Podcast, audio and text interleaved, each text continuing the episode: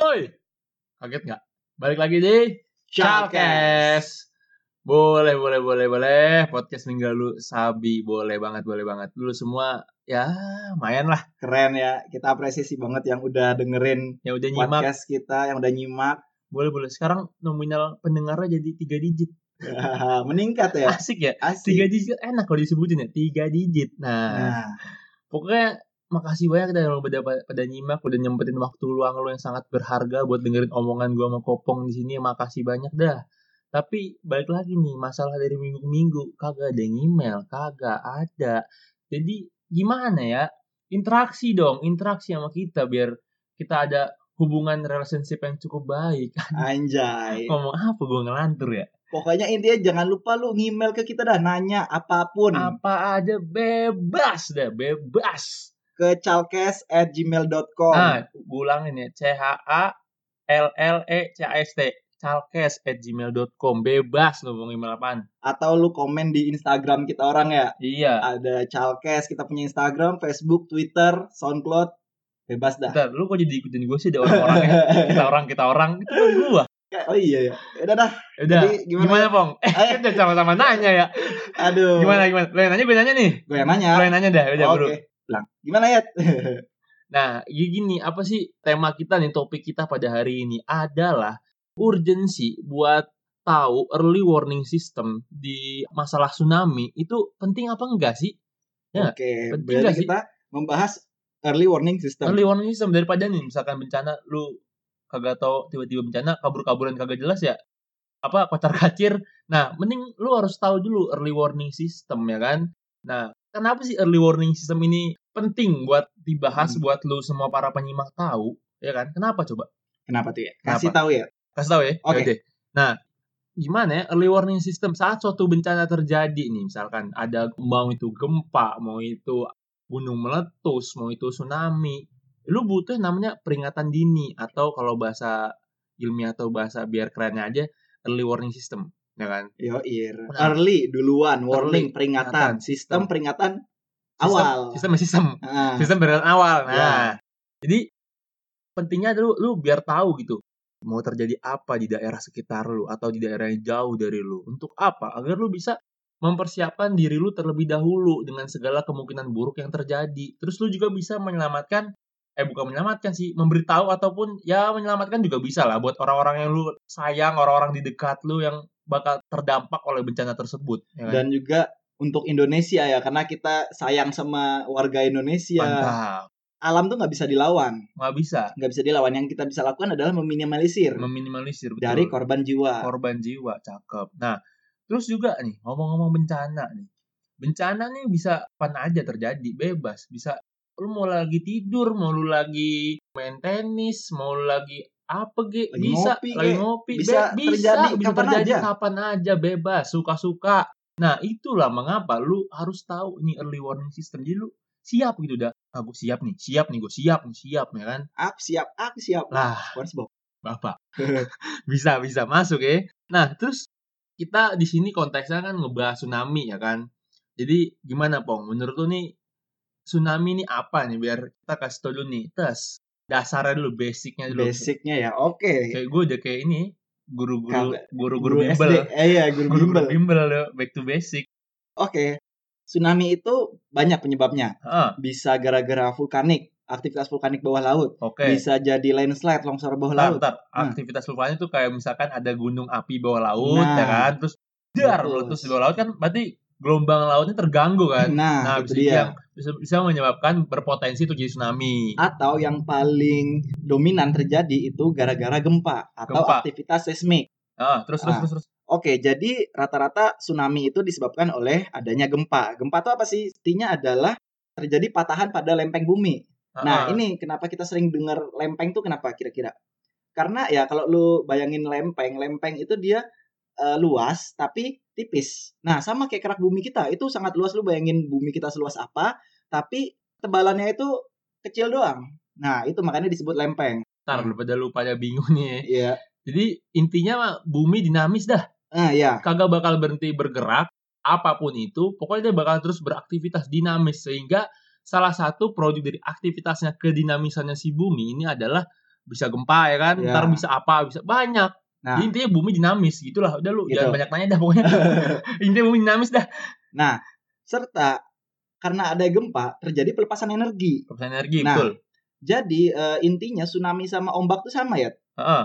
tapi beda energinya doang. Kalau ombak energinya itu datang dari angin. Heeh. Kalau tsunami energinya itu datang dari gempa tadi, Dari- energi seismik tadi. Heeh, energi dinamisnya si bumi ini ya. Nah, jadi tsunami itu bukan airnya bergerak tapi energi bergerak melalui media air. Ah. Nah, itu tar lu, tar lu. Nah. Nih gua apa ya? apa tuh? Nih gua udah lama-lama nge- ngedengerin lu ngomong nih. Ya, Gue jadi teringat ada uh, Hmm. podcast minggu lu ada beberapa konco gue yang komen ya kan. Ya. Wah, boleh sih ini bahasa Sabi. Tapi katanya pertahanan nih, eh pertahanan. pertahanin. kayak main bola pertahanin pertahanin nih apa ciri khas lu nih kayak Ya, eh, si kopong nih ngomongnya agak-agak kaku gitu kan macam-macam guru-guru Kayak bimbel baku kan. gitu Kayak bahasanya baku, ya. kan, udah, udah oh kak- kaku baku gitu lah wah serius banget kan ya yang satu lagi yang gua nih lu parah banget deh ngomongin aduh gue kata nyablak, Nyablak, aduh, aduh. betawi aduh boleh dah kaku apa Nah, dah gimana orang Bekasi Itu- nah, ya? iya ciri khas sih tapi ya udah dah lanjut pong Oke, tadi tsunami itu energi yang disalurkan melalui air iya heeh. dan itu disebarkan ke segala arah. Heeh. Nah, maka ketika dia tersebar nih dan ke- kedalaman lautnya makin dangkal, Ah. maka energinya akan terakumulasi kan Heeh. sehingga gelombang itu akan sangat besar ketika masuk daerah pesisir. Nah, gelombang besar inilah yang bahaya yang bisa nyapu apa pun yang dilewatinya ketika masuk ke daerah darat. jadi Itu tsunami. Jadi ini tsunami ini yang lu lihat di TV-TV ini tsunami kan gelombang eh gelombang ombak kan gede banget ya Iya. gede banget gede kan ombaknya nih nah itu tuh berasal dari energi bumi yang bergerak melalui medianya itu air Iya. semakin dia ke darat karena semakin tipis jarak antara si dasar dengan airnya ini Iya. ya kan nggak makin tebal kan kalau Hmm. darat kan nah itu makanya makin gede ya kan Iya, nah itu intinya banget. tuh itu intinya Intinya. intinya itu Nah, apalagi nih udahlah itu tentang gambaran besar apa bukan gambaran besar apa konsep itu dasar intinya. intinya tentang tsunami. tsunami dan juga gempa tadi sedikit ya kan. Nah, Oke. kita nah ini kalau apa ya, ntar pasti bakal banyak yang bingung dengan bahasan gempa dan tsunami ini bakal kayaknya bakal jadi apa? Ba- kayak bakal jadi konten menarik ya kalau kita Iya. bahas tentang gempanya doang ya. Tapi ntar dah, gue belum ngedalemin. Iya. Saya belajar dulu. Minggu-minggu kapan ada ya? Kapan ada? Ntar minggu-minggu besok besok besok besok dah. Oke ya. Nah. Terus kalau misalkan terjadi tsunami nih, terus kita punya apa sekarang gitu? Nah, ya kan pasti yang udah-udah nih kan kayak tsunami di Jepang tahun 2011, terus tsunami di, Di Aceh, Aceh tahun 2004. 2004. Nah, itu intinya setiap bencana pasti akan makan korban ya kan. Se- Yoi. dan tsunami juga begitu dia salah satu bencana juga memakan korban yang cukup banyak jumlahnya kan nah, sekarang intinya bagaimana kita sebagai manusia asik intinya gimana kita sebagai manusia mampu meminimalisir dengan apa yang kita punya di sekarang ini Dan apa yang kita punya sekarang? apa yang kita punya sekarang itu adalah er- dah, dah, Aduh, kan? apa tuh? ntar lu. early warning system yang Early udah gue sebutin di system. awal sistem peringatan dini yang udah beberapa apa ya beberapa prototipe atau beberapa produk sistem early warning system ini sudah diterapkan tapi balik lagi semua eh, early warning system ini masih kayaknya masih sama memakan korban yang cukup banyak walaupun dari setiap perkembangan si early warning system ini dia menghasilkan jumlah korban yang lebih sedikit Artinya yang kita punya sekarang itu masih belum efektif. masih ada celahnya buat makan korban kayak Iya. gitu Mungkin in- kalau kita lihat 2004 itu tsunami di Aceh ya. Ah. Dan itu bukan cuma Indonesia yang kena, hampir seluruh dunia yang kena ya. Di Asia sendiri itu sekitar 200 ribu orang meninggal dunia menjadi korban jiwa, belum lagi materi. Dan juga gempa terakhir di Jepang itu menimbulkan bencana lain, yaitu bencana nuklir karena oh eh, iya iya ah, reaktor benar, benar, nuklirnya benar, kan hancur itu kena benar. karena tsunami tadi Nah, ya Padahal eh, untuk yang kita punya sekarang, kita punya beberapa early warning system ya. Ntar lu, Hmm. jadi untuk tidak adanya bencana lanjutan atau bencana-bencana lain yang disebabkan karena bencana awal tadi. Nah, itu dia. Itu pentingnya. That's the point, boy. That's the point. Ya. Eh, sebenarnya selain early warning system, our society atau masyarakat kita ini punya beberapa alternatif. Contohnya untuk menanggulangi tsunami. Tsunami. Tsunami. Banyak kepleset lidah kita hari ini. ya, untuk menanggulangi tsunami kita punya namanya Apa, apa, apa? eh, kayak wall gitu, kayak dinding pembatas supaya Ah. tsunami nggak kena ke pesisir. Satu, Ah. kita punya juga flood door atau floodway. Itu seperti gerbang yang dapat mengalirkan gelombang tsunami Ah. atau juga kita bisa bikin channel atau bikin aliran sungai seperti sungai gitu. Jadi Ah. nanti ketika dia menghantam pesisir itu tuh eh, energinya terpecah. Mm, Nah, mm. Selain juga kita punya early warning system sekarang yang paling banyak pakai itu eh, namanya tuh buoy. Bo, bo, Buoy, buoy. Bo- boys, bo, Boys. boys. Boys itu jadi namanya dah. pelampung intinya. Pelamp- intinya mah pelampung ya? Pelampung. Pelampung. Nah, jadi itu kita di Indonesia punya 10 boys itu dari ujung selatan eh sorry dari ujung Sumatera Ah, sampai ke Sulawesi itu eh, selatan Jawa itu semuanya Ah. ada ada 10. disebar tuh, tebar ya, Disebar. tebar, tebar. Nah, Itu prinsipnya adalah ketika ada gempa, pelampungnya itu Ah, ah, dia akan merekam pergerakan air laut dan merekam gempanya itu yang namanya tsunami meter. ah, ah. Nah, itu akan ditransferkan ke satelit dan dari satelit itu akan dianalisa di mana epicenter atau pusat gempanya itu berada. Mm. Nah, dari situ nanti dianalisa apakah gempanya ini berpotensi tsunami apa enggak. Baru terakhir dari badan-badan resmi terkait seperti BMKG akan menyebarkannya ke masyarakat. Apakah si gempa ini berpotensi terjadi tsunami atau tidak. Gila, gila. Ketika gempanya terjadi di bawah laut ya, Oke. bisa aja. Jadi ini ini yang lu lagi dengerin Hmm. sampai tahap ini, Iya, gua saranin lu di pause dulu nih podcast. iya. Lu minum air putih, gue yakin banget lu pasti puyeng dengan denger kopong ngomong dari di puyeng. Udah lu pause dulu nih podcast, lu minum dulu bisa dengerin lagi. Padahal Jadi, ini udah disimplifikasi Iya, ya, udah, udah sesimpel simpel mungkin. banget. Gua aja masih agak ah, ah, ah, ya ini intinya mah udah banyak ya early warning system di dunia ini yang diaplikasikan buat bencana-bencana ya kan. Ada si Boys. Boys. Nah, itu tadi yang Cikopong bilang kayak pelampung. Jadi ntar sinyal ketika terjadi gempa bawah laut itu yang berpotensi tsunami ditangkap sama si bo- Boys ini dilempar ke satelit ya kan. Habis itu ditangkap sama receiver baru dianalisis Iya, ya kan benar banget. apakah akan terjadi tsunami atau tidak, Nah. ataukah ini gelombangnya menghantam atau tidak, ya Ya. kan? Menghantam atau tidak. Menghantam semangat banget ya. Semangat banget.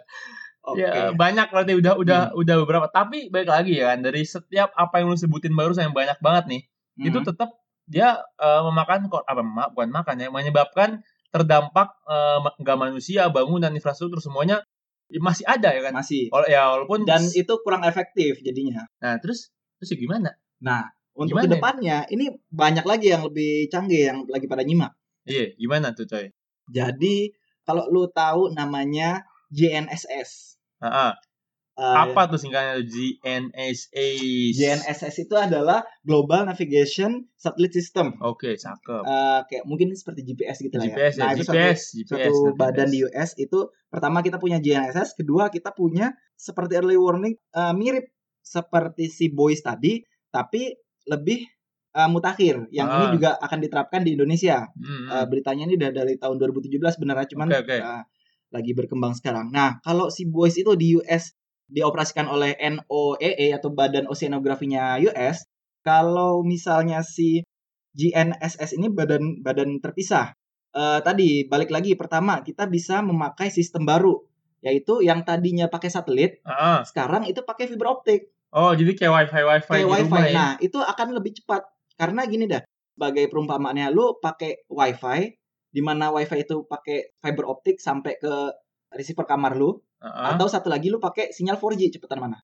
Cepetan wifi karena dia pakai fiber optik. Kalau 4G kan dari HP lu ke satelit itu akan memotong waktu yang singkat gitu loh. Jadi biar lebih cepet lu mau ngapa-ngapain lewat HP, Heeh, gitu ya? iya. Oke, berarti apa sih? Eh, dulu si boys ini agak boys ini agak ribet, Boys. agak ribet buat eh bukan agak ribet sih, memakan waktu ya, Iya. makan waktu. Jadi data eh data apa sih gelombangnya ke detect, dilempar ke satelit, satelitnya ngelempar lagi ke receiver, baru diolah. Nah. kalau GNSS yang sekarang ini dia dari data yang dapat langsung disalurin lewat ke fiber optik, diterima Eh, receiver. Bukan. Eh, ini terpisah. Jadi fiber optik satu, GNSS satu. Oh, sorry, ini sorry. baru yang satu. Maaf, maaf, maaf, Nah, maaf, maaf, maaf. eh. Sorry, sorry, biar intermezzo aja, Intermezzo, bi- intermezzo biar aja. nggak terlalu tegang ya. Ngeles aja gua. oke, oke, gimana, gimana? Terus, terus, lanjut, lanjut. Oke. Tadi kita udah bahas yang fiber optik. Heeh. Yang kedua kita bahas masalah GNSS atau Global Navigation Satellite System. Global Navigation System. Nah, jadi GPS, intinya nah. intinya gini kan seperti yang ya dibilang di awal bahwa bumi itu dinamis ya, dinamis, betul. dinamis banget. Artinya dia akan bergerak. Nah, si GNSS ini melihat atau memantau pergerakan bumi ini sampai resolusinya 1 mm. Jadi gerak 1 mm aja bumi ini akan ketahuan sama GNSS ini. Jeli jeli. Nah, jeli. Nah, Jeli. akibatnya apa kalau kita tahu pergerakan lempeng bumi ini? Akibatnya adalah kita bakal tahu true nature of seismicity-nya atau. Yes. atau yang gampang-gampang aja, yang Ah. gampang-gampang nih. atau nggak sifat alaminya gempa dah. Nah, Sifat gitu. A. Sifat alaminya tuh. Iya dah. Nah, jadi eh, kita nggak perlu analisa lagi dengan melihat pergerakan relatifnya satu sama lain, kita tuh akan tahu bahwa oh ini gempa menimbulkan tsunami atau tidak. Pokoknya ini alat nih siapa Cepet banget. si ini kan siapa? GNSS. GNSS ini bentar Pak, kertas- kertasnya geser yang kemarin. Oh, iya. Nah, ketahuan. ya. Nah, jadi GNSS ini dia gampangannya ini adalah eh dia ini langsung tahu nih. Misalkan si bumi lagi gerak nih, tak lagi dinamis kan, lagi nggak dinamisinnya kan, nggak Iya, dinamisin, nggak dinamisin dinamisin. tubuhnya nih. Iya. Tas gerak, dia langsung ngebaca tak, oh ini gempa bakal bakal tsunami nih. Nah, ya intinya mah gitu kan. Iya. Jadi si bisa, bisa langsung ngebaca nih kan. Nah, Ini gempa yang gempa doang, apa gempa yang buat Plus tsunami. tsunami. Nah. Ah, intinya mah gitu ya. intinya Intinya gitu. Nah, dan ini sayangnya baru dioperasin sama dua lokasi nih. Pertama tuh ada Ready. Ready itu di US. READI READI tulisannya, Ah. dibaca Ready. Nah, Amerika. ah. yang US. Ah, satu lagi tuh Geonet. Geonet, Geonet. itu di Jepang. Oke. Nah, seandainya sistemnya itu terintegrasi di seluruh dunia, Ah. artinya apa? Artinya kita akan melihat suatu aktivitas seismik ini secara lebih menyeluruh. Ntar aktivitas ini pastinya pada bingung Ah, kegempaan lah. kegempaan. Jadi kita bisa ngelihat aktivitas pergerakan si bumi yang me- mengakibatkan gempa itu tersebar. Jadi Ah, lu jadi- mau Melihat dari berbagai perspektif lah. Ah, ah, jadi lu Hmm. mau ada gempa di jauh di sana, lu bisa tahu ya kan? Ya, Intinya gitu kan? intinya Ah, gitu. Dan pergerakannya tuh akan dilihat secara lebih akurat. Nah, itu kelebihan yang pertama. Kelebihan kedua, selain dia men- dapat menentukan ini gempa potensi tsunami atau tidak, dia bisa memonitor gelombang tsunami karena ketika terjadi patahan, terjadi gempa, tsunami itu akan disebarkan ke seluruh sudut, seluruh arah. Seluruh sudut. Sudut, arah maksudnya. Oke. Nah, GNSS ini dapat apa ya memantau ke mana sih pergerakannya dan kalau lu tahu pergerakannya apa yang bisa kita dapatkan waktu waktu dari eh, epicenter gempa itu ke pesisir jadi perjalanan si gelombang itu kita bisa tahu Jadi biar lama biar lu semua nih warga-warga seluruhnya kagak kegocek Kagak- namanya ombak eh namanya tsunami kagak kegocek. Jadi lu bisa eh, ada lu? waktu buat apa ya lari gitu Mau ke mana lu? Mau ke mana lu? Nah, Mau ke mana nah. lu? Aduh ke gua. Aduh kabur kabur kabur. Nah, Iya gitu. iyalah. bawa kayak bawa ternak ya bawa Iya kayak bawa, bawa apa sih kayak film survival gitu kan. Anjay. oke terus selain lagi? itu Ah, kalau tadi ya kalau misalnya ini tercapai di seluruh dunia itu tuh bisa terintegrasi sama smartphone karena secara nggak sadar smartphone lu yang lagi nyimak nih itu sebenarnya udah punya GNSS gitu gitu ya. Kalau lu Ah. kagak tahu gimana caranya, lu ke ke aja deh ke toko smartphone yang kemarin lu beli. Gua juga gak ngerti masalah yang Tanya ke ya. kokohnya ya. Tanyanya ke koko-kokohnya nah gimana nih? Bang, Nah. cara aktifin ya? untuk keluaran baru ya bukan yang Ah, lama-lama hmm. nah ketika itu udah terintegrasi smartphone lu berarti misalnya nih ada gempa gimana gimana ngomong pelan-pelan bang pelan-pelan sabar Oke. sabar ya ada gempa terus ada gempa di Meksiko misalnya atau di Indonesia sini atau di Sumatera ah. nanti lu bakal tahu bakal muncul di HP lu. Oke, di sini ada gempa potensi atau tidak terhadap tsunami. Mm-mm. Kayak gitu. Jadi bisa tahu secara real time karena itu udah terintegrasi sama smartphone lu. Oke oke oke.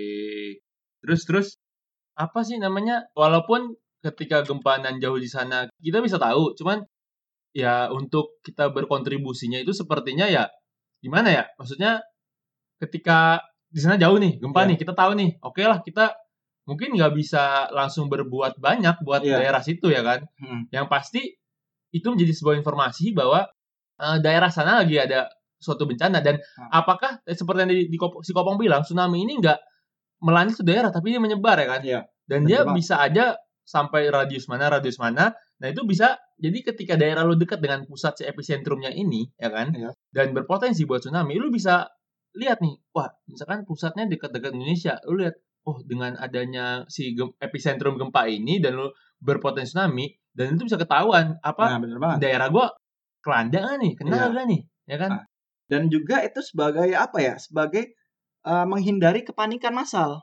ah, ah, gimana Karena kalau misalnya sekarang gempa nih, Ah, banyak kan sumber yang ngeluarin eh, gempa dan itu biasanya juga skala Richternya beda-beda. Karena apa? Karena nggak satu sumber, tapi dengan terintegrasinya ini jadi satu sumber doang dan itu menghindari hoax atau menghindari berita udahlah lu kena bencana terus muncul berita yang aneh-aneh kan?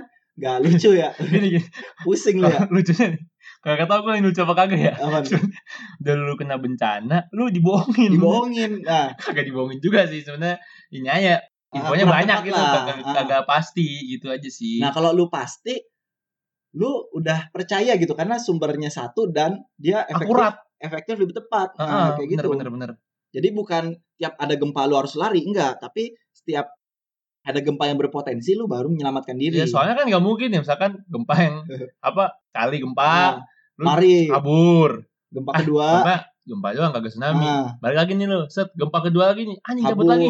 Cabut. Eh kagak ada eh tsunami. kagak lagi terus gempa ketiga. Ayo gempa nih gempa. Aku Ah, mager lah kabur. Mager. paling nggak ada lagi gua. kayak lagi tsunami tahunnya tsunami beuh nah ah itu menghindari hal-hal Gitu. kayak gitu tuh. Menghindari. Ada kagak gegabah ya? Iya. kagak gegabah lu semua ntar nih. Balik lagi ini untuk eh, meminimalisir korban dan melindungi orang-orang yang kita sayang. Sedap. Sedap. Huh, huh.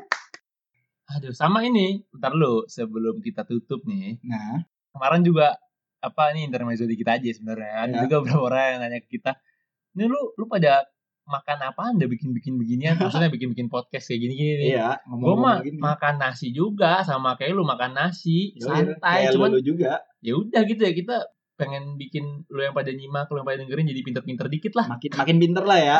Mudah-mudahan amin. Gue tanda gue tanda.